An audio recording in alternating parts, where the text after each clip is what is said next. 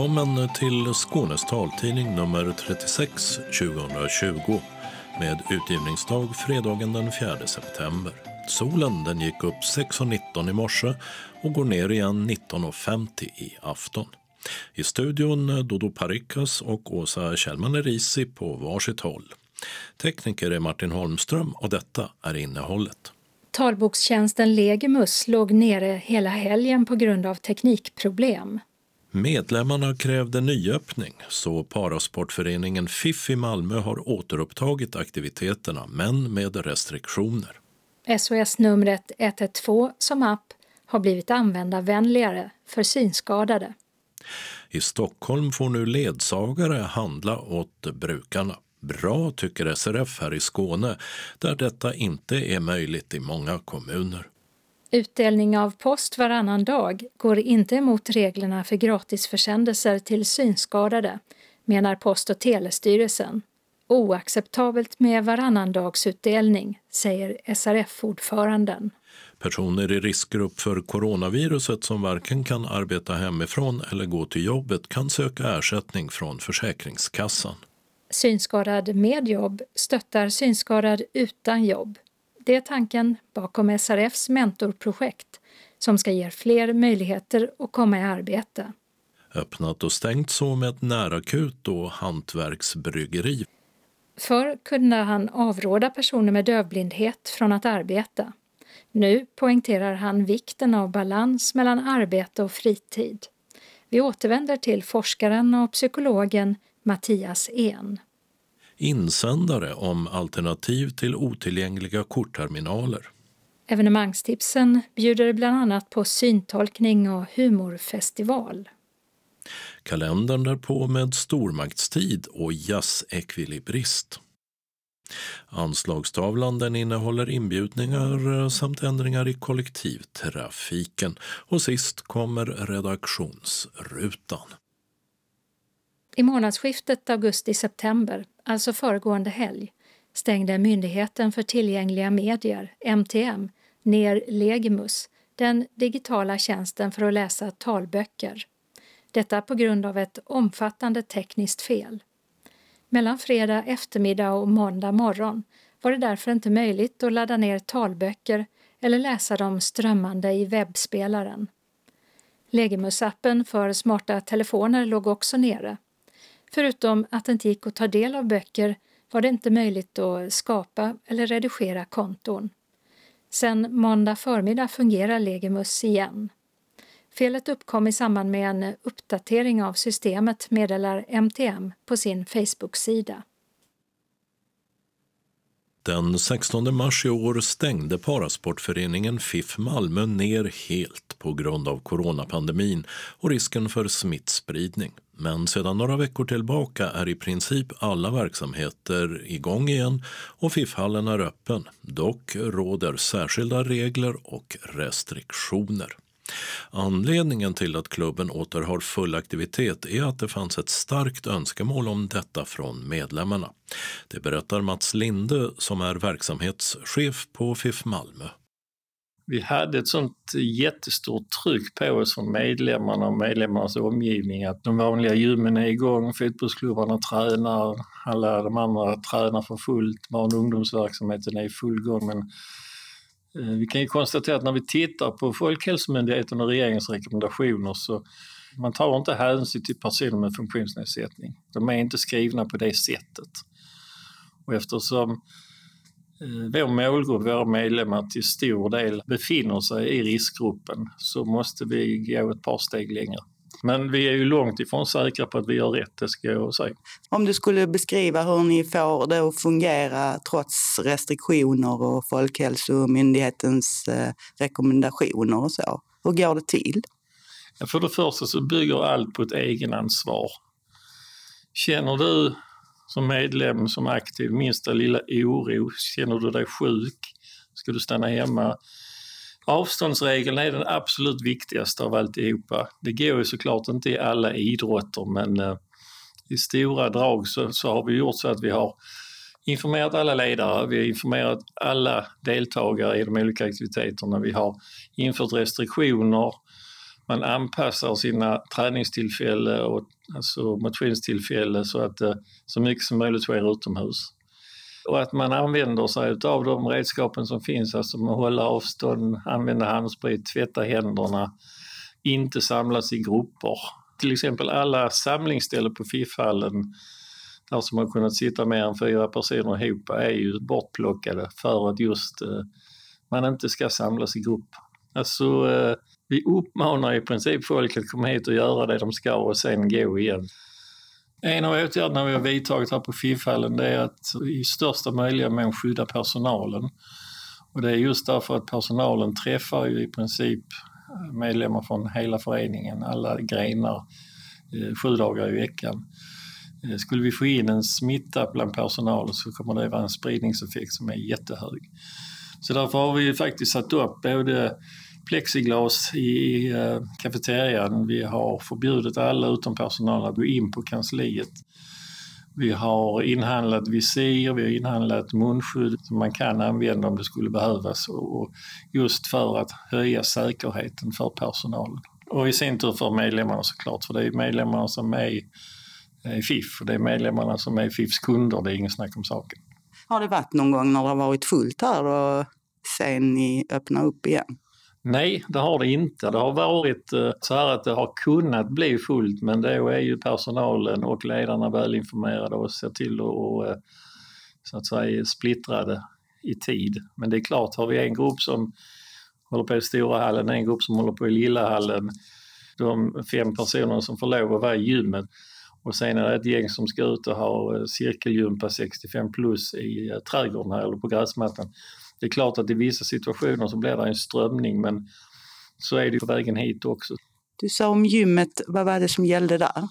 Ja, där kan man inte in och spontant längre utan där får vara max fem aktiva eh, per gång, per timme. Man måste förboka genom receptionen. Eh, man, behöver man ledsagare eller hjälpare så får det vara max tre, det vill säga max åtta pers där inne samtidigt innan man börjar eh, sitt nya träningssession nu efter att vi har öppnat igen så måste man få en instruktion i handhavandet. Dels med att man desinficerar redskapen, man håller god handhygien och, och man försöker inte att andas på varandra utan man håller avståndet. Och framförallt så använder man bara varannan maskin. Hur är det med omklädningsrum och sånt? Kan man duscha och byta om här och så? Nej, omklädningsrum och duschar är stängda. Alla toaletterna är öppna men med en utökad städningsgrad. Ehm, man får byta om hemma helt enkelt och komma hit ombytt. Vilka verksamheter är det som har börjat efter uppehållet nu då? Alltså det är i princip alla, förutom då simningen som vi har jättestora bekymmer med. Är det även tävlingar? Nej, tävlingsverksamheten är ju väldigt, väldigt sparsam. Där är golfen till exempel, golfsektionen är igång och tävlar. I övrigt så har det mesta pausat så det är på grund av allt ifrån rekommendationerna till att eh, ja, ekonomier och så vidare. Så det är väldigt olika där. Så det är väldigt lite tävlingsverksamhet, även om det börjar komma igång nu. Så hur kommer det sig att inte simningen har startat då? Därför att ledarna har bedömt att det är eh, inte fungerar under rådande omständigheter. Hur känner du inför det här att ni har öppnat? Alltså det känns jätteskönt att vi har tagit alla de här stegen. Det känns jätteskönt att vi har öppnat men det känns fortfarande väldigt osäkert och eh, vi som är i ledningen vi är, vi är ju tillgängliga dygnet runt för att eh, vi har också en beslutsordning tillsammans med styrelsen att inträffar någonting som går i negativ riktning, ja då får vi åtgärda det direkt. Men det är kul att vara igång, det är kul att ha sina rutiner, men vi är ju fortfarande väldigt oroliga.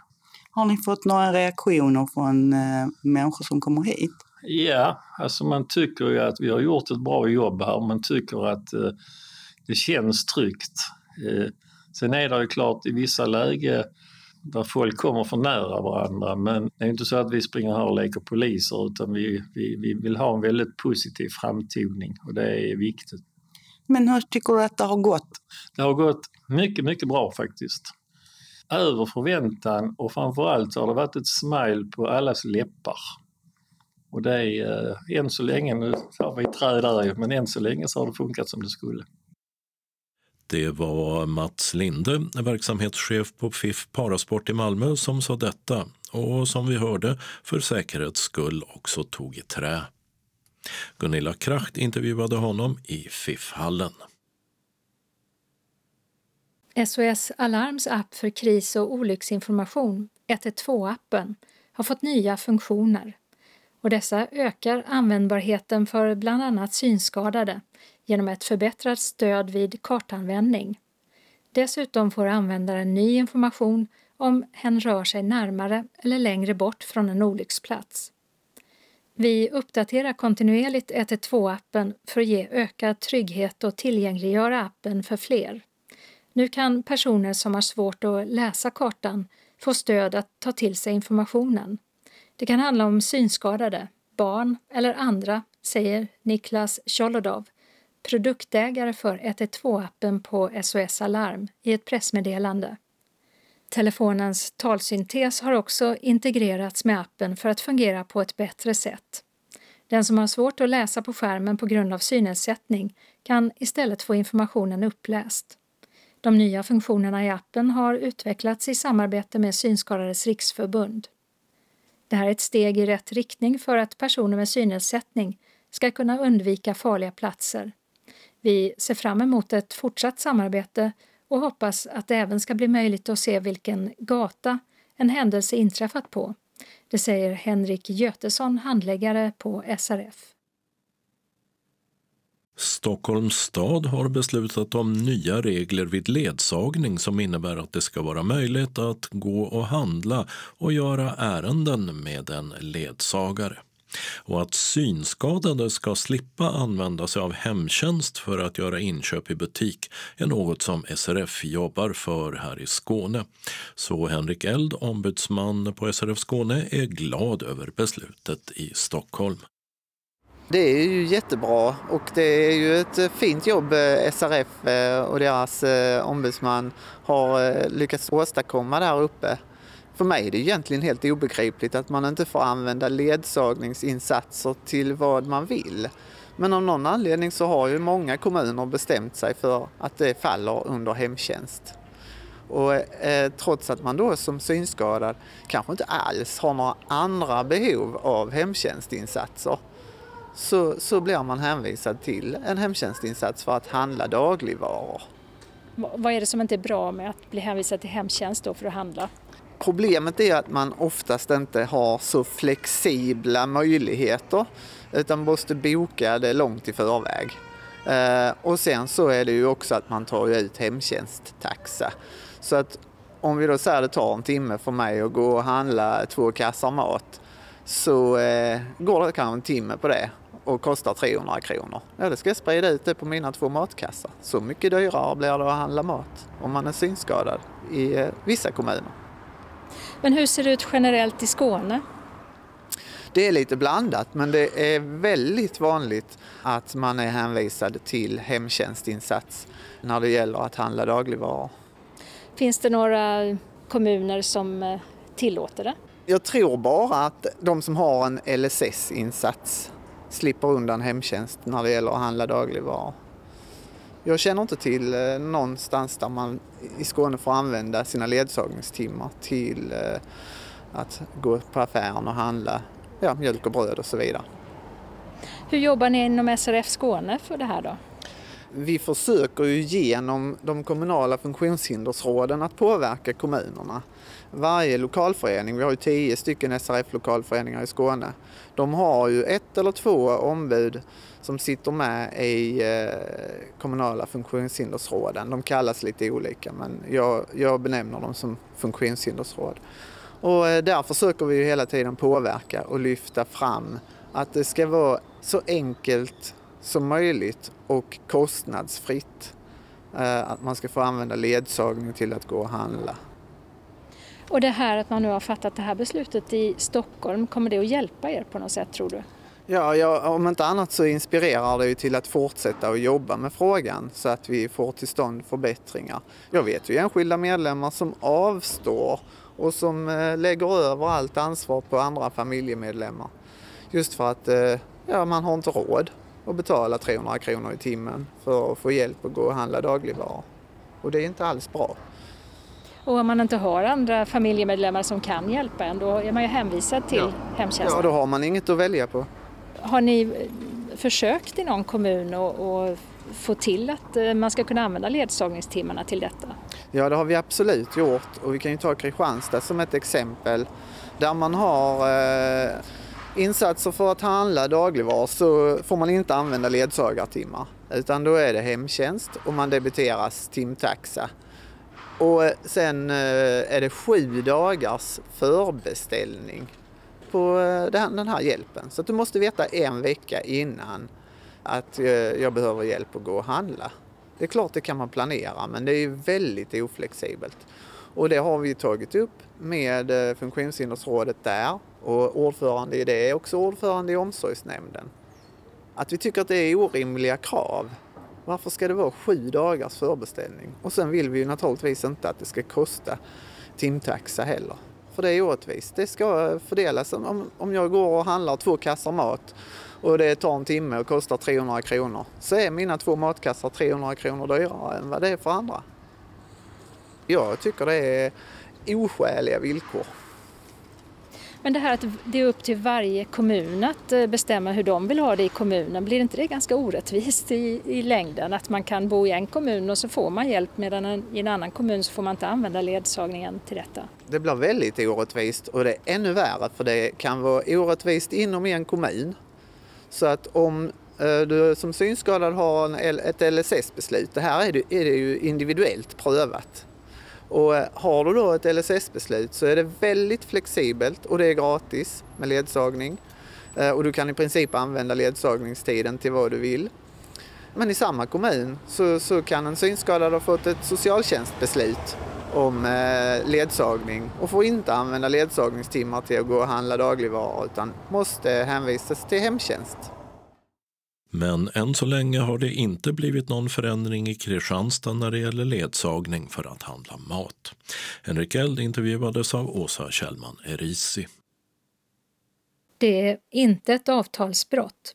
Så säger Post och telestyrelsen, PTS, om Postnords beslut att bara dela ut brev, första klassbrev, det som tidigare kallades A-post, varannan dag i fortsättningen blindskriftförsändelser som Skånes taltidning sänds ut som räknas till första klass brev och kommer också att delas ut varannan dag.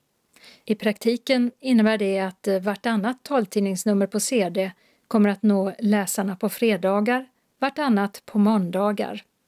Men PTS anser alltså inte att varannandagsutdelning innebär något avtalsbrott.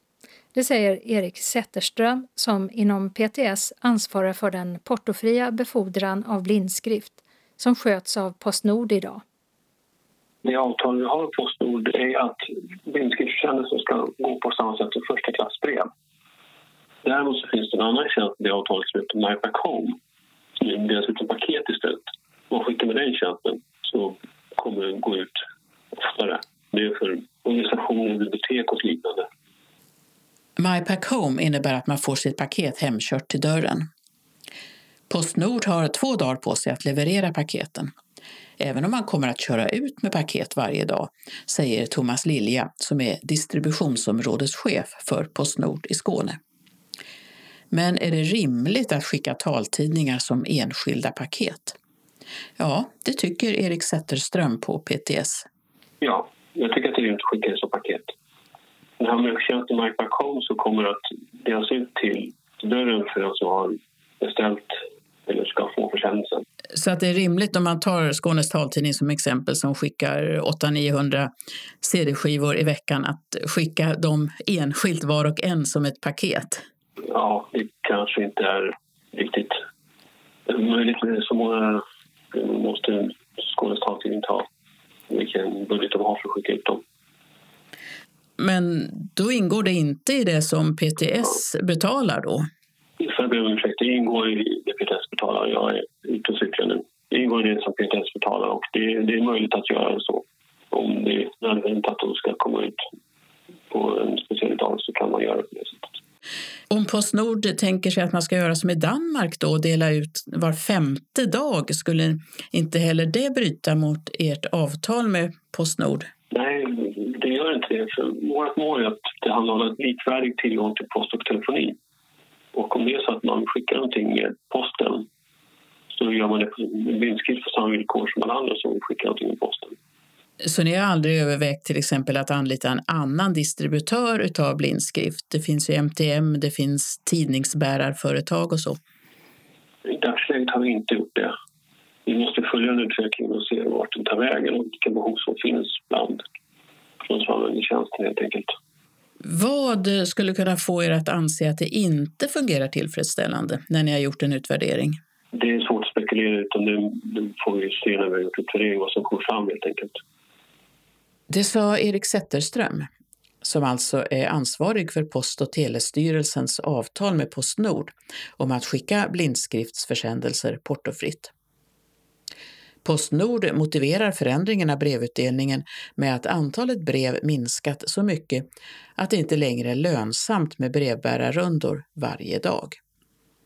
Men enbart varannandagsutdelning av brev är något som Synskadades riksförbund, SRF, riktar stark kritik mot.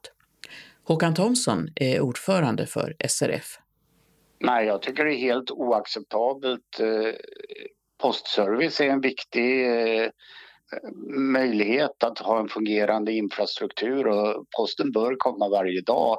För oss synskadade kan det vara extra viktigt eh, att få posten i god tid. Det kan gälla taltidningar, självklart, att de ska kunna komma ut på rätt utgivningsdag men, men också andra brev och sånt eftersom vi ibland inte kan eh, läsa dem själva utan behöver hjälp och det tar extra tid. Så att all försening är dålig för synskadade.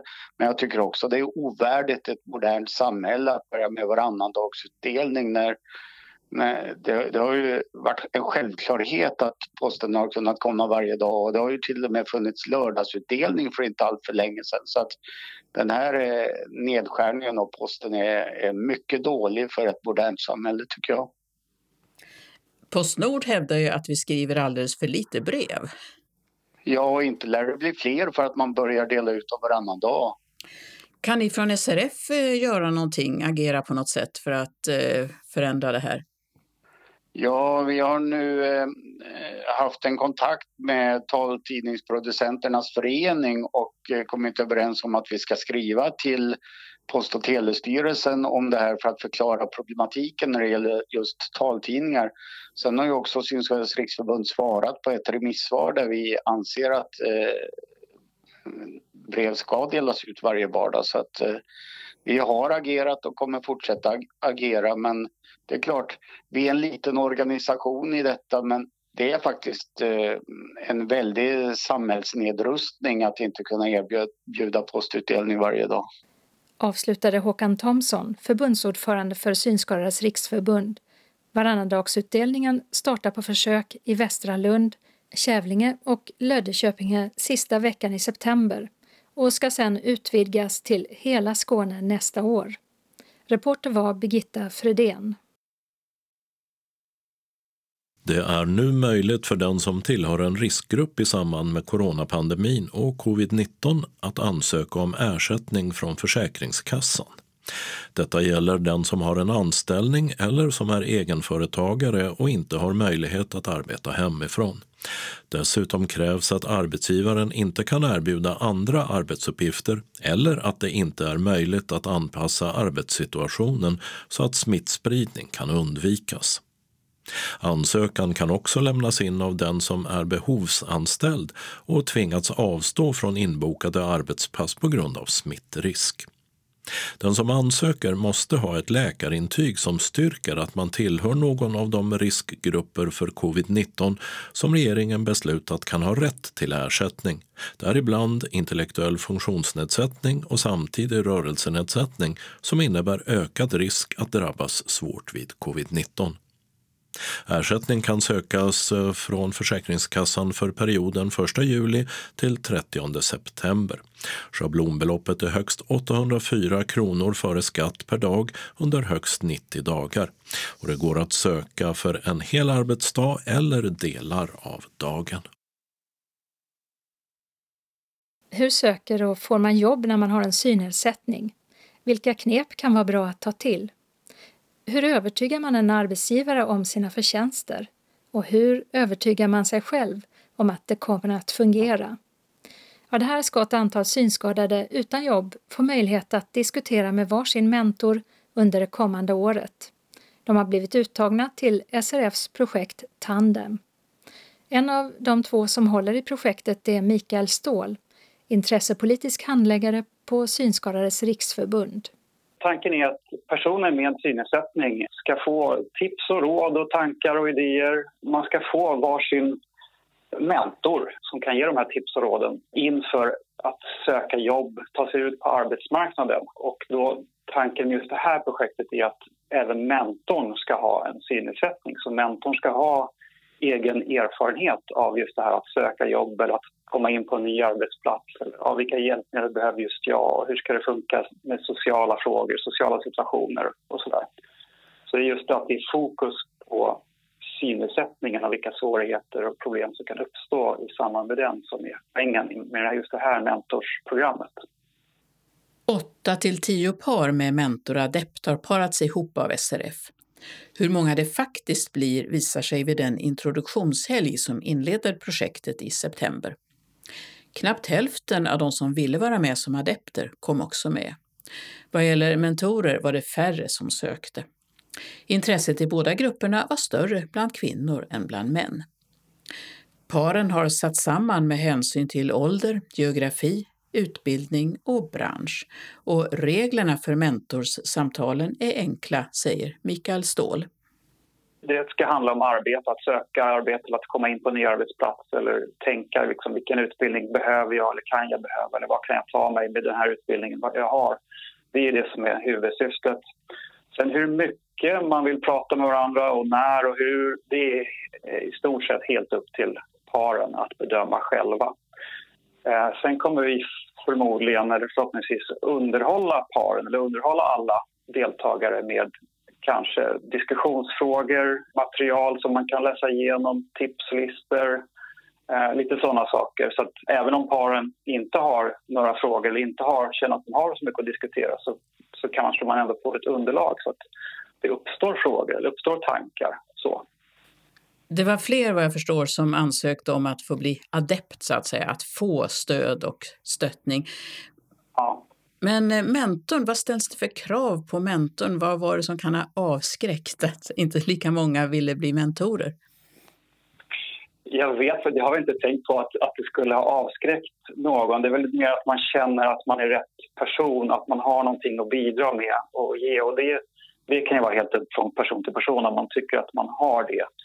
Eh, men att man ska ha i alla fall erfarenhet, eh, gärna långvarig, på arbetsmarknaden. Kanske har en utbildning, en akademisk eller någon slags eftergymnasial utbildning och sen att tagit sig ut på arbetsmarknaden och gått igenom de ja, svårigheter som man, som man kan stöta på. Så att man har tips eller erfarenheter att bidra med till den som är adept. Det är det som är grunden. Sen är det lite olika. En del personer av de som har sökt vet vi från början vilka det är eh, och andra vet vi inte vilka det är. Men vi vill ju gärna att det ska vara personer som, som är sådana som gärna bjuder på sig själv, som, som är de som är lite mer så här tipsiga eller ja, som, som kan ge tips och som, som, där det kan bli en dialog så att säga. Hur viktigt är det att mentorn är synskadad själv? Skulle det fungera med eh, icke synskadade mentorer? Just i vårt fall är det avgörande eh, eftersom det här handlar om just adepterna har, har synnedsättningar allihopa och då är tanken att mentorerna ska ha det också så att man kan eh, ha just, eller bidra med de tipsen och de erfarenheterna som med de här svårigheterna som kan uppstå till exempel, eller situationer som kan vara jobbiga eller så. Så det är helt avgörande. Det, det finns ju mentorsprojekt i massa olika former runt om när det gäller, både när det gäller arbete och när det gäller utbildningar. Så. Men, men vi vill ha just det här att det ska vara synskadan som är i fokus i just vårt mentorsprojekt. För det, det finns ju inte någon annanstans. Det är det som är skillnaden. Vad är tanken att det ska leda till då? Att adepten får ett arbete eller? Ja, förhoppningsvis. Det, det är inte det som, vi lovar ingenting sånt. Eh, det är fortfarande adepten själv, personerna själva som måste eh, göra det som behöver göras för att hitta ett jobb. Så kontakter med Arbetsförmedlingen eller Försäkringskassan eller kontakter med arbetsgivare, att skriva ansökningar, att leta jobb, faktiskt leta jobb, att hålla kontakter med sin omgivning. De sakerna är ju ändå det adepten själv som måste göra fortfarande. Eh, så vi vill bara bidra med det här nya perspektivet, det här nya mentorsperspektivet, de tips och råd som kan behövas. Det är egentligen bara det som vi kan utlova. Sen vad mentorn och adepten kommer fram till själva, vad de kommer överens om att vad som ska göras och vad som kan utlovas, eh, det är upp till paren så att säga. Men vi, i vår dialog med mentorerna så, så säger vi att de ska inte göra något jobb åt adepten utan de ska bara vara en, en tipsmaskin eh, eller en tipsbank så att säga. Och de kan förstås stötta när det gäller svåra frågor och så men, men de har ju egentligen ingen utbildning, eh, i de flesta fall i alla fall, ingen liksom socionomutbildning eller utbildning gäller coachning eller eh, mentorskap eller så. Så vi, på det sättet kan vi inte egentligen lova mer än bara stöttningen och tipset, tipsen och råden och så. De ska inte följa med och träffa arbetsgivare och så? Nej, det kommer de inte göra. Det skulle innebära mycket resor och kostnader och så. Det har vi tyvärr inte möjlighet till i det här projektet. Kan du ge något exempel på, du säger tips och råd och sånt där just ur synskadevinkeln, vad de skulle komma med? Ja, det kan handla om hjälpmedel oavsett. Det kan vara datorer eller andra digitala hjälpmedel, telefoner, surfplattor. Eh, kanske tips med hur man kan anpassa en arbetsplats eller en arbetssituation.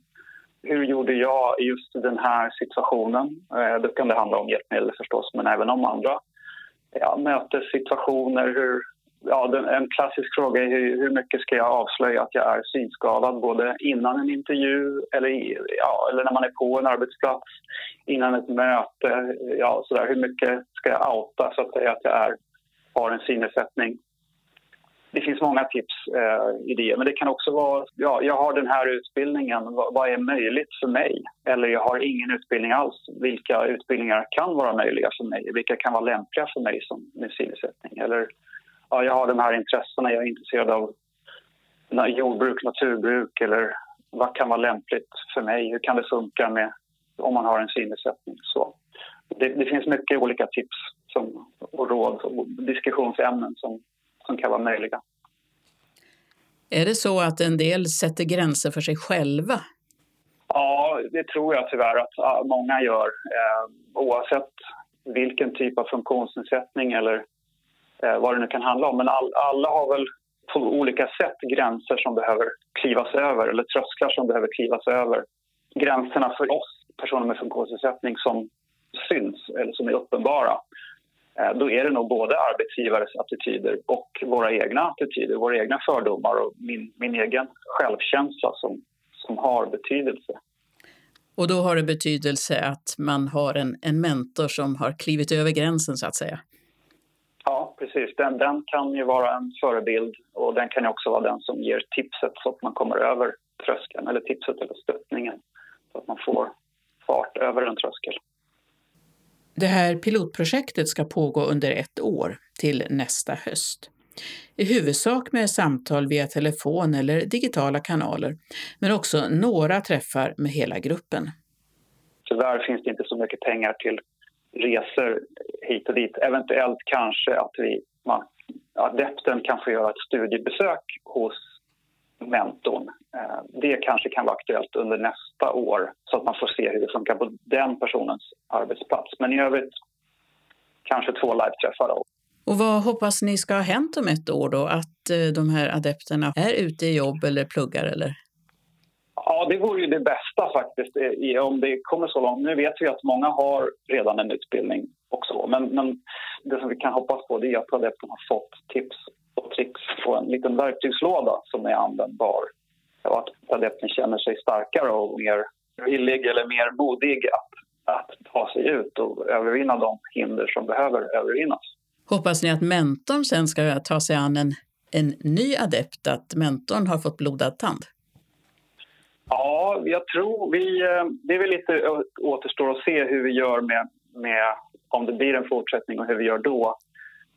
Eh, men eh, det är lite som tanken har gått nu så är det väl att om den som vill fortsätta, den som är intresserad får gärna söka igen. Vi kommer då att göra en ny ansökningsrunda.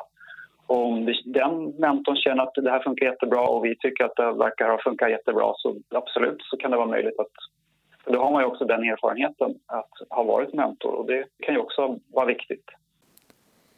Det sa Mikael Ståhl, intressepolitisk handläggare på Synskadades riksförbund, som tillsammans med kollegan Lennart Karlsson driver Tandemprojektet. Reporter var Birgitta Fredén. Öppnat och stängt. I Simrishamn har närakuten på sjukhuset öppnat igen. I mars stängdes den tillfälligt eftersom personalen behövdes för att förstärka akuten på Ystad lasarett när coronapandemin slog till. Nu har närakuten återgått till sina vanliga öppettider måndag till söndag 8 till 18 i Lund ska en ny skola byggas på den rivna Svaneskolans tomt på Väster. Under tiden ska Svaneskolans elever bland annat undervisas i Parkskolans lokaler. Och Hedda Anderssons gymnasiets elever de har hamnat i tingsrättens utrymda lokaler mittemot polishuset. I Ystad har Anhörigcenter flyttat till nya lokaler och utökat verksamheten så att man nu även tar emot anhöriga till personer inom LSS. Tidigare höll centret till på Vita Briggen, Västerleden 37. Nu finns man på Bellevuevägen 17. Kvisttofta i Helsingborg har begåvats med ett mikrobryggeri. Kvisttofta hantverksbryggeri heter det. Deras öl finns att dricka på Örenäs slott, Vallåkra stenkärlsfabrik samt Café Vera på Rå. I Hässleholm har Röda Korsets andrahandsbutik Kupan öppnat igen efter att ha hållit stängt sedan i våras. Antalet kunder i butiken begränsas till högst 20 samtidigt. Adressen är som tidigare Östergatan 17. Vi har i ett tidigare nummer av taltidningen berättat om forskaren Mattias Ens doktorsavhandling i hälsovetenskap. Där visar En hur betydelsefulla livsstrategier och balans i tillvaron mellan arbete och fritid är för personer med Uschers syndrom, en form av dövblindhet som kraftigt påverkar både syn och hörsel. Arbetet är centralt för många med dövblindhet men ibland haltar stödinsatserna till den som vill jobba på grund av att myndigheter samarbetar dåligt. Förutom att ha doktorerat i hälsovetenskap så är Mattias En dessutom psykolog vid Region Stockholms dövblindteam. Och mycket av det han kom fram till i sin forskning, det ser han även i sitt arbete jag känner ju igen väldigt mycket av det jag ser i forskningen. Det handlar ju väldigt mycket om att leva med en funktionsnedsättning där ens sinnen, då, i det här fallet är det synen i första hand, som försämras hela tiden. Det är en ständig livsomställning och där man behöver bli ganska bra på att hantera den livsomställningen. Det kan handla om livsstrategier, om att bli bra på sin funktionsnedsättning, att kunna förklara för andra människor, att eh, ta till stöd, att både be om hjälp med både informella kontakter, vänner, nära personer men också mer formellt stöd. Det kan vara tolkar, ledsagare, personligt biträde på arbetsplatsen och så vidare.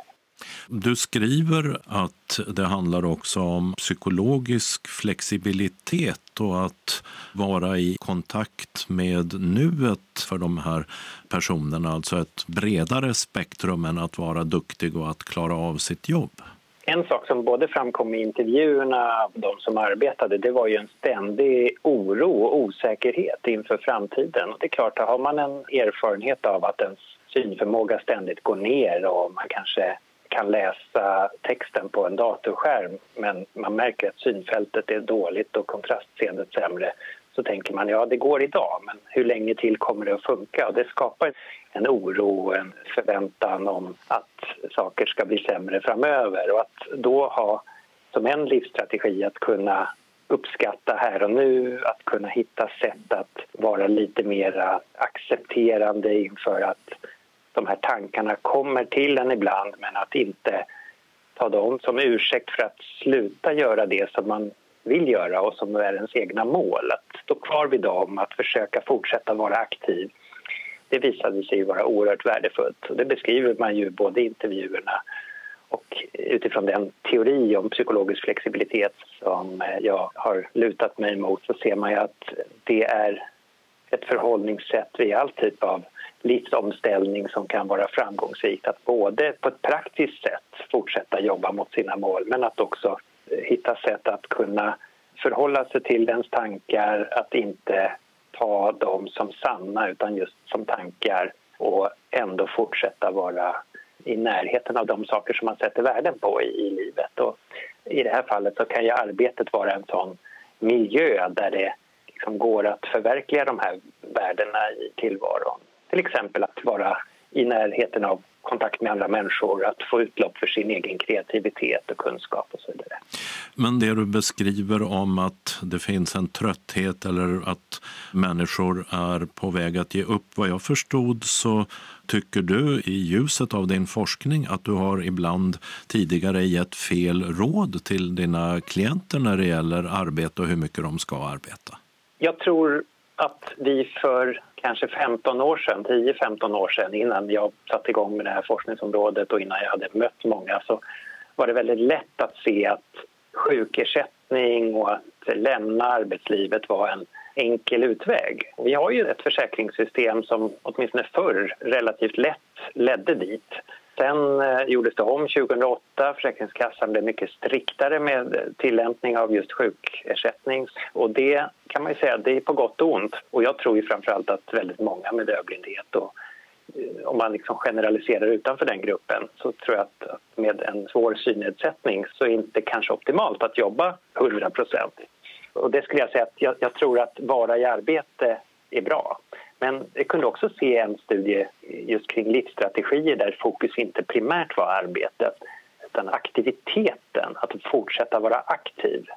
Och då kan man ju komma bort ifrån det här att lönarbete måste kanske inte vara det som är det viktiga utan att hitta till exempel ideella sysslor, att vara föreningsaktiv eller ha någon typ av hobby kan fylla ungefär samma funktion.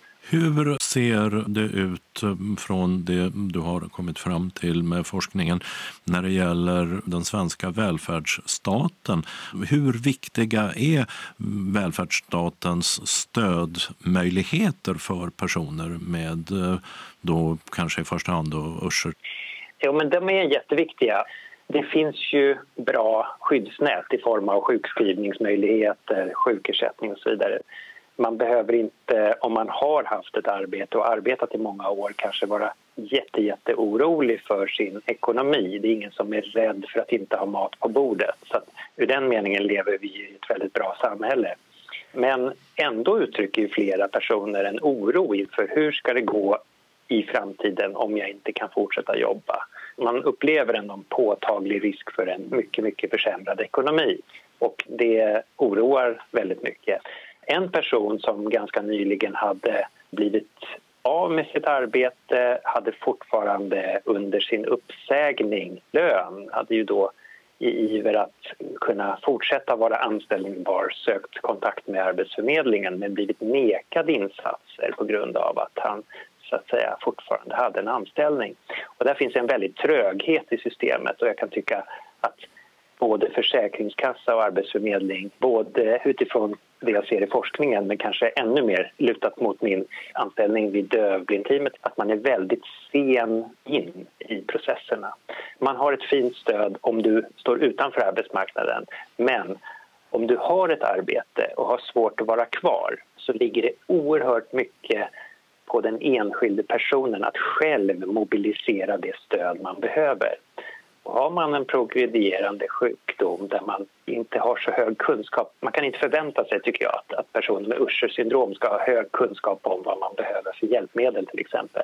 Det bygger liksom på att man har ett bra nätverk och det har inte alla. Och risken är ju då att man kanske får långa sjukskrivningsperioder eller att man faktiskt blir uppsagd från ett arbete man hade kunnat vara kvar på för att man helt enkelt inte fick rätt stöd i rätt tid. Det sa Mattias En, doktor i hälsovetenskap vid Örebro universitet och psykolog vid dövblindteamet i Region Stockholm. Reporter var Dodo Parikas. Och en länk till inslaget med Mattias En om hans doktorsavhandling hittar du i löpsedeln på vår hemsida. För ett par veckor sedan berättade Mikael Linse i Höllviken här i taltidningen om hur han på en restaurang upptäckte att kortterminalen för betalning inte hade en fysisk knappsats utan bara en otillgänglig pekskärm. Det var möjligt att blippa sitt kort men vid summor över 400 kronor måste man ju ändå slå sin kod. Carl Otto Rosenqvist Engelholm hörde av sig till Skånes taltidning med ett insändartips på hur man kan slippa slå koder. Hej! Jag hörde på inslaget om att betala med kort och problematiken med att det är inte alla kortterminaler som har fysiska knappar.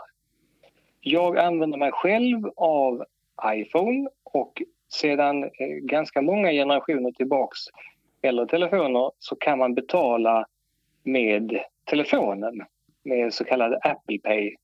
Det beror på vilken bank man har. Men fördelen med det är att om man känner till sin telefon och är bekväm med den så kan man identifiera sig antingen då med sin tumme kanske eller med ansiktet beroende på vilken telefon man har. Och då har man identifierat sig. Så när man sen håller fram telefonen till kortterminalen så får man ingen fråga om att knappa en kod igen. Så att istället för att försöka få alla kortterminaler att bli tillgängliga så föreslår jag att man skaffar ett kort som är tillgängligt. Och I det här fallet så handlar det om att telefonen fungerar som ditt kort. Det har fungerat jättebra för mig.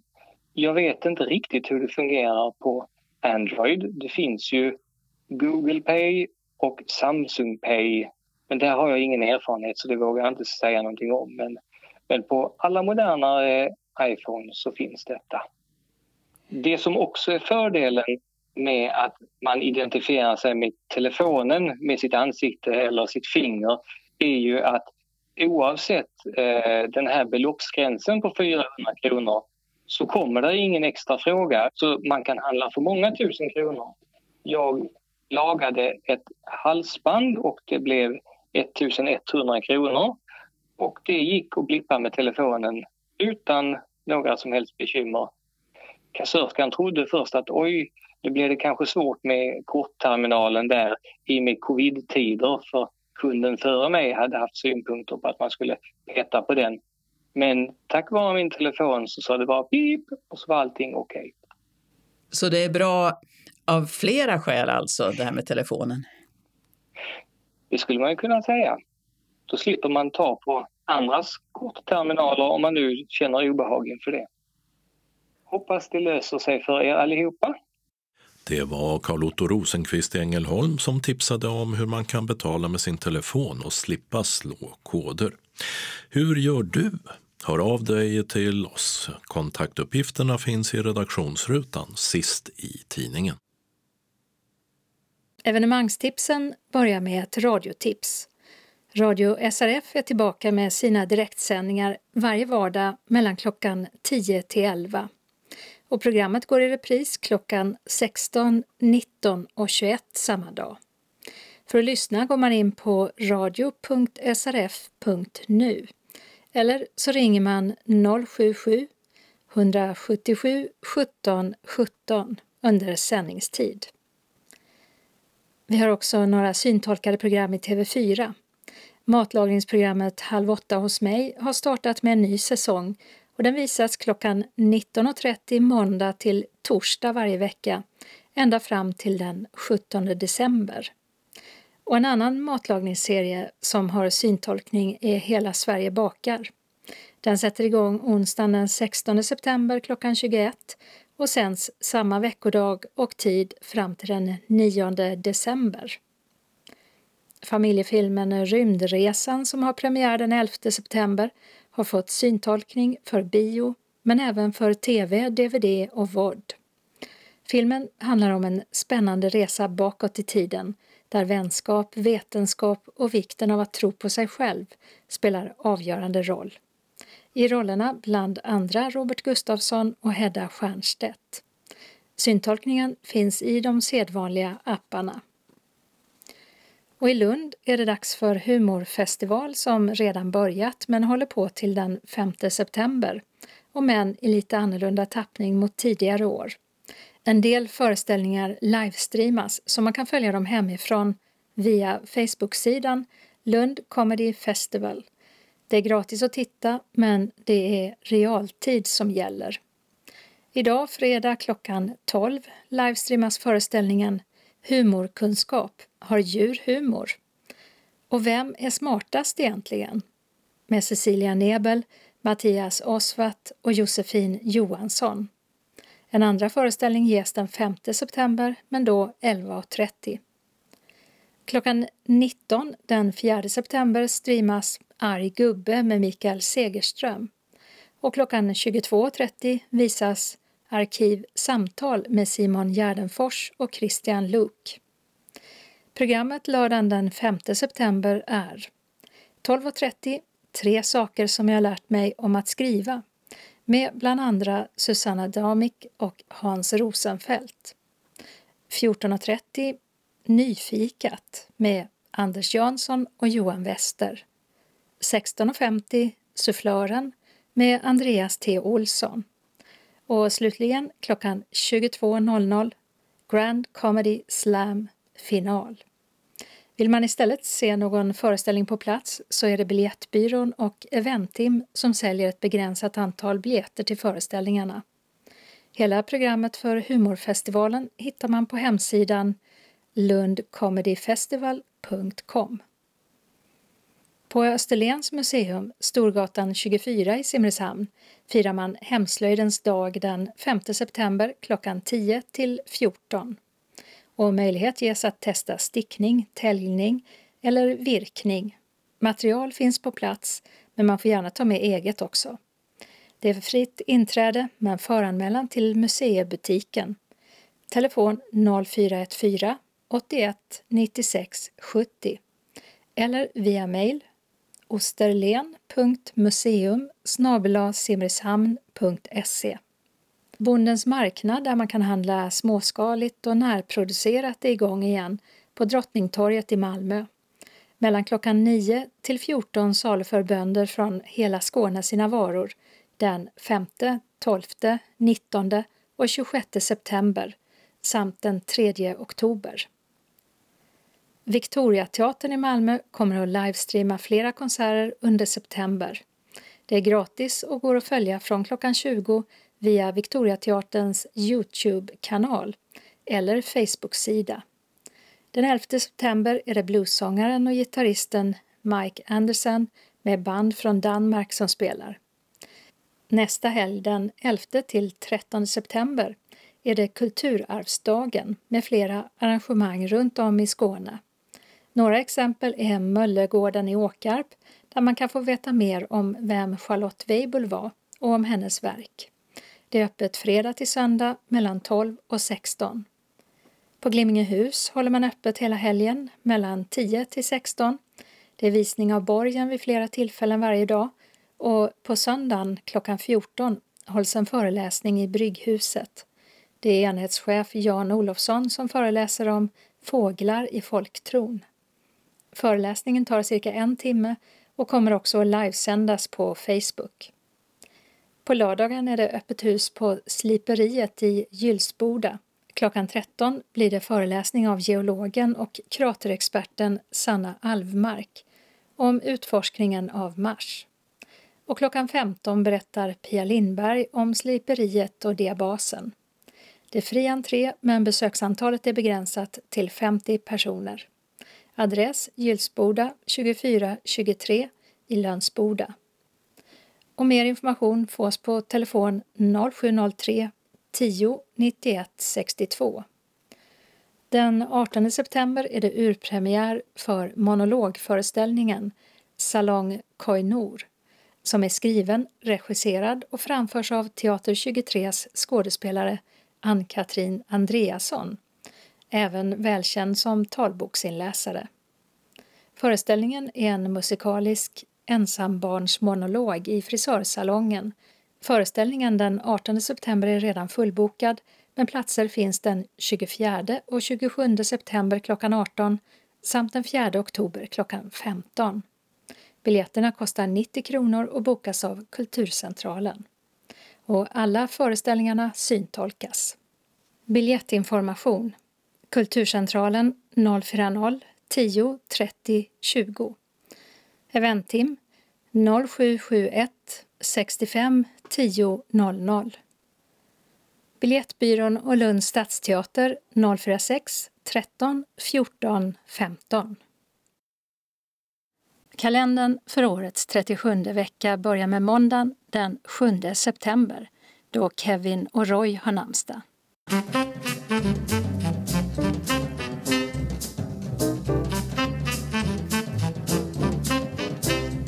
Sonny Rollins, eller som han egentligen heter Theodore Walter Rollins, fyller 90 år. Han tillhör jazzens största ekvilibrister på sitt instrument saxofonen och är känd för att vara en skicklig improvisatör. Här har vi hans mest kända komposition, Saint Thomas. Inspirationen fick han från en traditionell sång från just Saint Thomas, den västindiska ö som hans mamma kom ifrån. Och hon brukade sjunga den för honom i hans barndom. Tisdagen den 8 september börjar riksdagens nya arbetsår med att kungen förklarar riksmötet öppnat på begäran av talmannen Andreas Norlén. Och det här kan man följa på riksdagens webb-tv från klockan 13. Men själva ceremonin börjar klockan 14. Och coronapandemin gör att riksmötets öppnande i år skiljer sig från tidigare år. Det är färre ledamöter och mycket få inbjudna gäster på plats. I samband med öppnandet så uppmärksammas kampen för allmän och lika rösträtt och att det är hundra år sedan demokratin fick sitt genombrott i Sverige. Namnsdag har Alma och Hulda. Onsdagen den 9 september är det första partiledardebatten i riksdagen på det nya arbetsåret. För 120 år sedan invigdes Kullens fyr som är den sjätte fyren i ordningen på samma plats. Arkitekten bakom är Magnus Dalander. Och så fyller den brittiske skådespelaren Hugh Grant 60 år. Känd är han från filmer som Love actually och Fyra bröllop och en begravning, bland annat. Och sen gift med svenskan Anna Eberstein och paret har ett sommarhus i Torekov. Torsdagen den 10 september är det Tord och Turid som har namnsdag. I riksdagen är det interpellationsdebatter från klockan 12 där socialministern besvarar en fråga som handlar om kompetensutveckling inom sjukvård och äldreomsorg. Fredagen den 11 september är i USA, liksom i stora delar av övriga världen, starkt förknippad med terrorattackerna som terroristorganisationen al-Qaida genomförde för 19 år sedan. Tvillingtornen World Trade Center på Manhattan i New York raserades av flygplan som flög rakt in i tornen med tusentals döda som följd. Och även det amerikanska försvarshögkvarteret Pentagon attackerades. Det är Dagny och Helny som ska gratuleras på namnsdagen. Lördagen den 12 september har alla Åsa och Åslög namnsdag. För herrfotbollen är det premiär både i Premier League spanska La Liga. Söndagen den 13 september har Sture namnsdag. Stavhopparen Armand Duplantis ser fram emot en friidrottsgala på Olympiastadion i Berlin det var där han tog sitt sensationella EM-guld 2018. Den regionala anslagstavlan innehåller inbjudningar från SRF Skåne och SRF Lundabygden. SRF Skåne inbjuder först till Vallåkra stenkärlsfabrik som skräddarsytt ett program för SRF-medlemmar. Tid onsdag 30 september 11.30 till 16. Kostnad 200 kronor per person. Plats Ryavägen 38 i Vallåkra. Till Vallåkra ska vi bege oss för att uppleva det nordvästskånska hantverksarvet, prova på att dreja i den 150-åriga verkstaden och äta god mat i kulturhistorisk miljö i magasinsbyggnaden, som nu är en krog. Som besökare har man möjlighet att följa hela produktionskedjan från lerfyndighet till färdig produkt. Keramikern Åsa Ormell ska vara föreläsare och göra sitt bästa för att alla ska få en bra upplevelse. För att förbereda sig väl vill Åsa veta om det finns någon med rullstol eller rollator som ska dreja. Hon är utbildad arbetsterapeut i botten och ser inga hinder för oss att delta i hennes drejupplevelser. Så passa på att prova, det kan bli din nya hobby. Som alla nu vet lever vi med coronapandemin och måste följa de regler som föreskrivs. Därför gäller följande. De som känner sig lite krassliga ska stanna hemma och lämna återbud. Deltagarantalet är begränsat till 20, vilket inkluderar ledsagare. Vi ska alla hålla avstånd med hjälp av ledsagare och alla kan ta med sig egen ledsagare. Vi hjälps åt med att hålla god handhygien. Handsprit finns för de som inte själva har med sig. De som drejar och läraren ska använda munskydd. Det finns ändå en risk för smittspridning som ni själva måste vara införstådda med. SRF kommer att dela ut munskydd på plats. Program 11.30. Ankomst och lunch på Magasinskrogen. Varmrätt, hembakt bröd, vatten eller lättöl samt kaffe på maten. 13.00 tar Åsa Ormell hand om gruppen som ska dreja med en visning av Vallåkra stenkärlsfabrik. Samtidigt är detta en introduktion inför drejningen. Väl i verkstaden drejar alla varsitt alster som bränns och saltglaseras i nästkommande bränning. Drejarrangemanget beräknas ta två timmar. 15.00 avslutar vi med fika och 16.00 är det hemresa.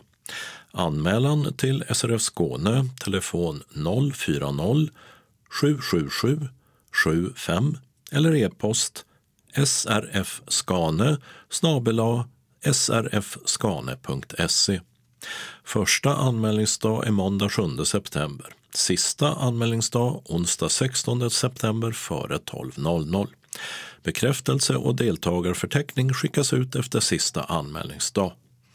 Uppge vid anmälan om specialkost behövs, om du behöver ledsagare och om du behöver annan hjälp som rullstol eller rollator på Vallåkra. Anmälningsavgiften betalas in till bankgiro 484 0989 eller swish nummer 123 312 6299. Vill du ha en inbetalningsavi så säg till när du anmäler dig. SRF Skåne står för reskostnader efter att kvitton inkommit, dock senast tre månader efter genomförd aktivitet. Varmt välkomna önskar Arbetsgruppen för kultur och fritid. Vi har ytterligare en inbjudan från SRF Skåne. Nu får ni möjlighet att prova på att spela golf. Vi övar på att slå ut och att putta. Lördag 19 september träffas vi på Degeberga Vittskövle GK, Segesholmsvägen 126 Degeberga vid klubbhuset klockan 13 och avslutar 15.00 med en fika. Anmälan senast 14 september. Har du möjlighet att ta med dig din egen ledsagare är det en fördel, men har du inte möjlighet så ordnar vi det.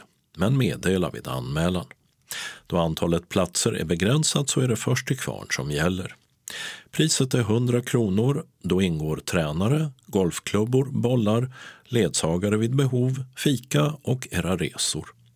Anmälan till SRF Skåne. Uppge vid anmälan om du har någon matallergi. Du kan betala in anmälningsavgiften till bankgiro 484-0989 eller swish 123 312 6299. Vill du ha en inbetalningsavi så säg till när du anmäler dig. SRF Skåne står för reskostnader efter att kvitton inkommit och senast tre månader efter genomförd aktivitet. Varmt välkomna hälsar Hans och Maria. SRF Lundabygden bjuder in till bussutfärd fredagen den 25 september. Klockan 10.15 samlas vi på Västra stationstorget i Lund och är tillbaka 17.30 cirka. Rubriken är Mats och Max, tvillingarna i Åhus, som berättar om Absolut, där ni förutom originalet kan få en ren varumärkesutbildning och höra om kopplingen till Ikea och Absolut. Föredragshållarna är nämligen Älmhultsbor som varje dag fick sexkantsnyckel till frukost. Under föredraget avnjuter vi en välsmakande lunch. Mätta och glada fortsätter vi sen till Ottos glassfabrik där vi serveras dagens produktion samt en kopp kaffe. Det finns möjlighet till egna inköp men glöm i så fall inte kylningsmöjligheterna. Du som inte är medlem i SRF Lundabygden men känner att den här resan skulle du vilja följa med på är välkommen att anmäla dig i mån av plats. Då betalar du fullt pris. Medlemmar i SRF Lundabygden betalar 300 kronor. Önskar man något extra starkt till mat och kaffe så betalas detta ur egen ficka. Din anmälan behöver vi senast måndag 18 september till telefon 046 211 0674. E-post srfkansli.lundabygden bredband.net. Glöm inte att anmäla om du behöver ledsagare under resan. I så fall ordnar vi detta. Har du någon form av allergi så vill vi också veta det. Hjärtligt välkomna önskar styrelsen. Och så en inbjudan från US Syd och SRF Skåne till en gemensam aktivitet i Malmö lördag 12 september. En annorlunda och fullspäckad dag. Prova på nya saker och upplev saker för första gången. Dagen börjar med en föreläsning av Anna Jakobsson, projektledare på SRF Skåne. Anna ska informera om det nya projektet Skola till arbete som SRF Skåne driver tillsammans med bland annat SRF Riks, US Syd och Iris Hadar de kommande tre åren. Efter föreläsningen kommer vi att prova på att köra go-kart på Racehouse i Malmö. Och efter lunch eh, provar vi five-a-side, blindfotboll. Ett gäng kommer från Stockholm för att visa oss. Vi hoppas du vill uppleva och tillbringa denna lördag med oss. Ta vara på chansen, tveka inte. Anmäl dig till US Syds kansli senast idag, fredag 4 september. Det är gratis att delta, men antalet platser är begränsat till 30. Först till kvarn gäller och därefter ehm, så gäller en reservlista efter anmälningsdatum. Ring 0470 17 77 71 eller e-posta till kansli ussyd.se. USSYD. E. Meddela när du anmäler dig om du har specialkost eller allergier. Varma hälsningar från planeringsgruppen Tertoma Suleiman Kalat och Rebecka Olsson.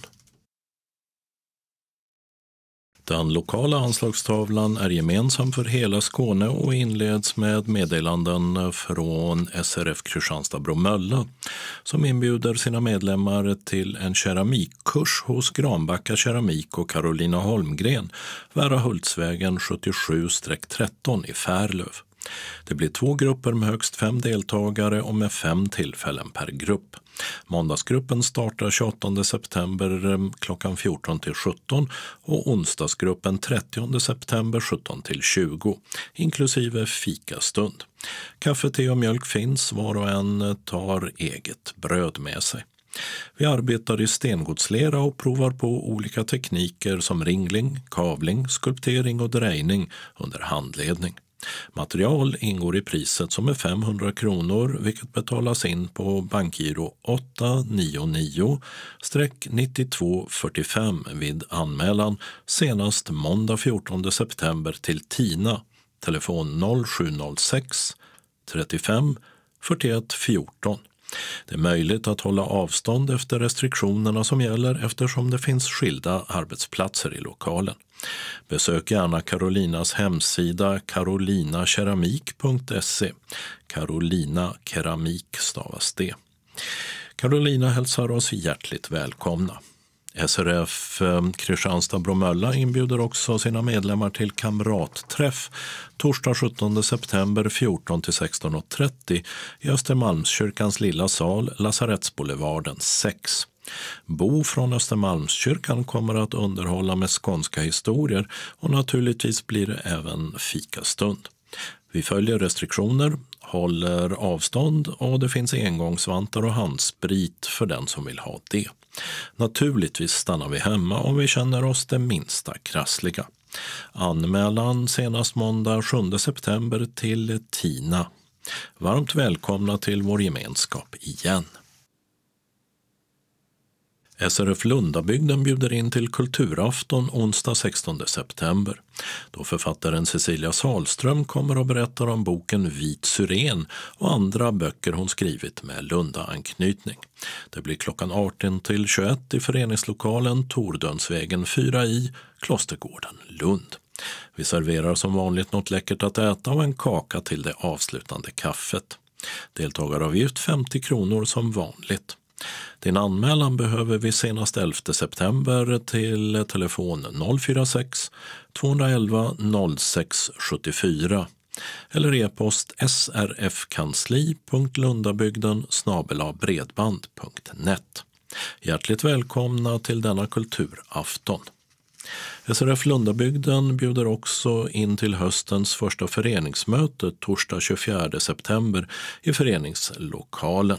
Det är mellan 18 och 20 på kvällen.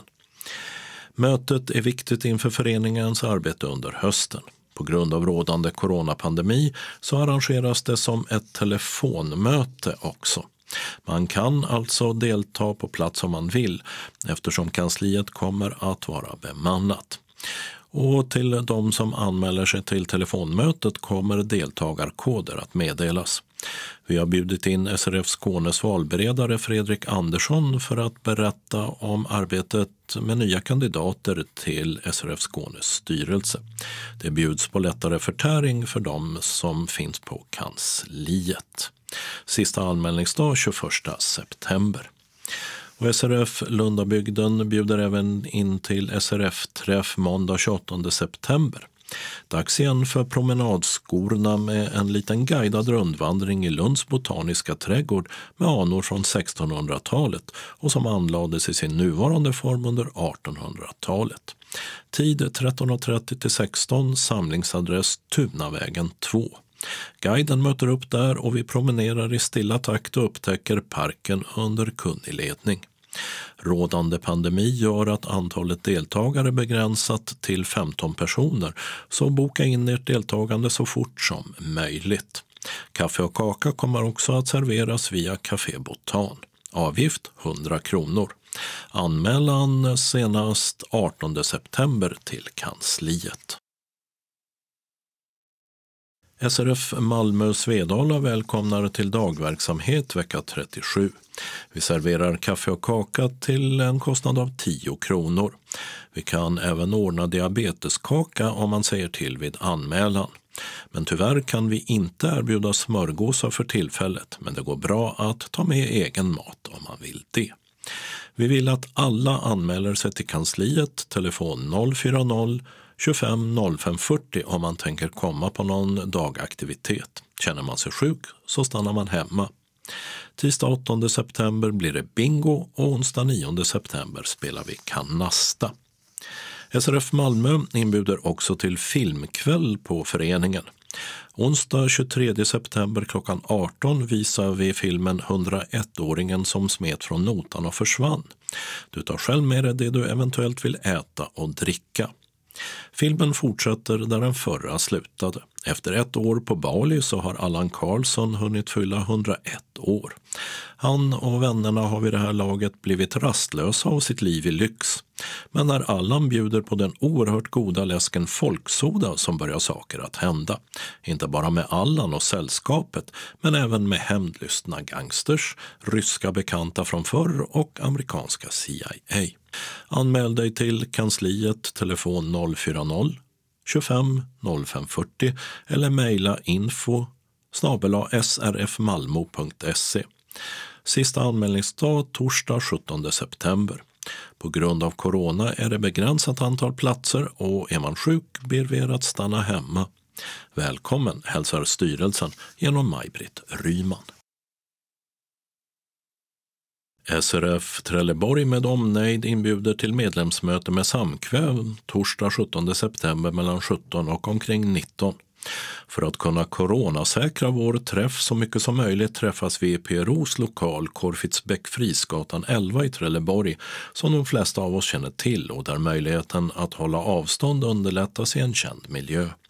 Föreningen bjuder på smörgåstårta och kaffe med kaka.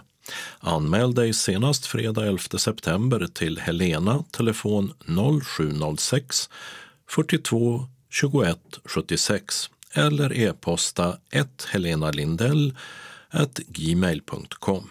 Det skrivs med en etta framför Helena Lindell och alltihopa ihop som ett ord. Har du någon form av matallergi så nämn detta vid anmälan. Väl mött hälsar styrelsen som hälsar såväl gamla som nya medlemmar välkomna. Så har vi ändringar i busstrafiken. I Lund asfalteras det på Råbylundsvägen mellan 10 september klockan 7 och 17 september klockan 16. Hållplats Guldåkerstorget läge A och B stängs. Hänvisning till Skiffervägen läge A och B.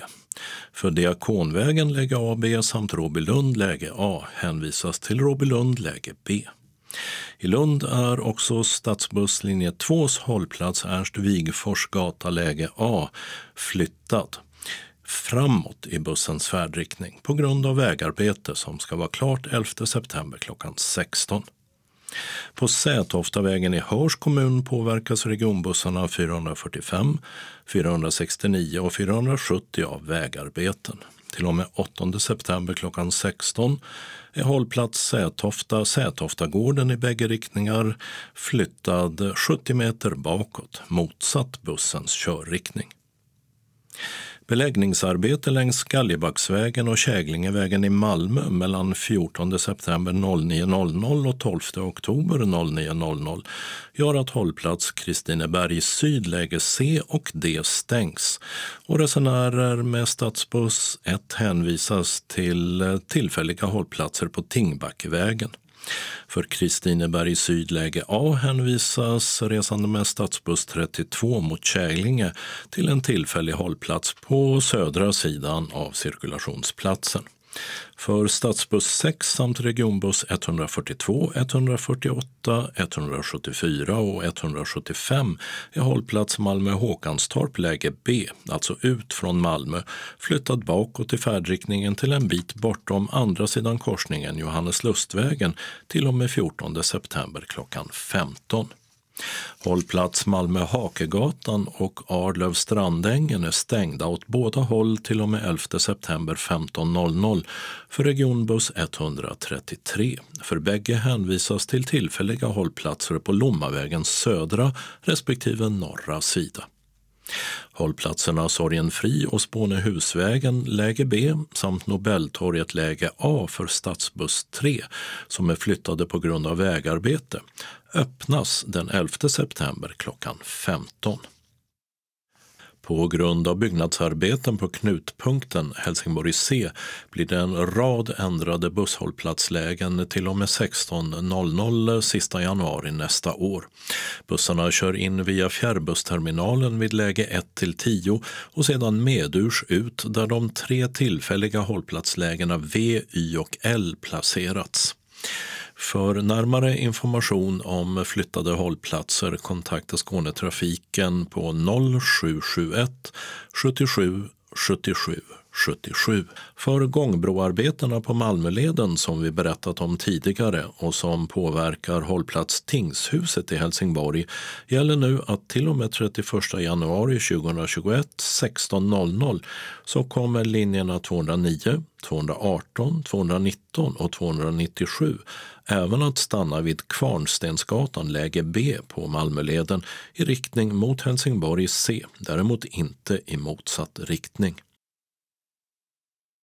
Och där var det slut på det här numret av Skånes taltidning. Nästa nummer kommer fredagen den 11 september. Skånes taltidning ges ut av Region Skånes psykiatri och habiliteringsförvaltning. Ansvarig utgivare är Martin Holmström.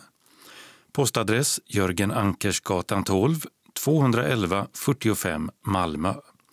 Telefon 040-673 0970. E-post Skanes taltidning snabela skane.se och hemsida skanestaltidning.se. Observera att cd-skivorna inte ska skickas tillbaka till oss. Såväl skivor som kuvert kan läggas i brännbara sopor när ni inte längre vill ha dem. Vi hörs igen. Hej då!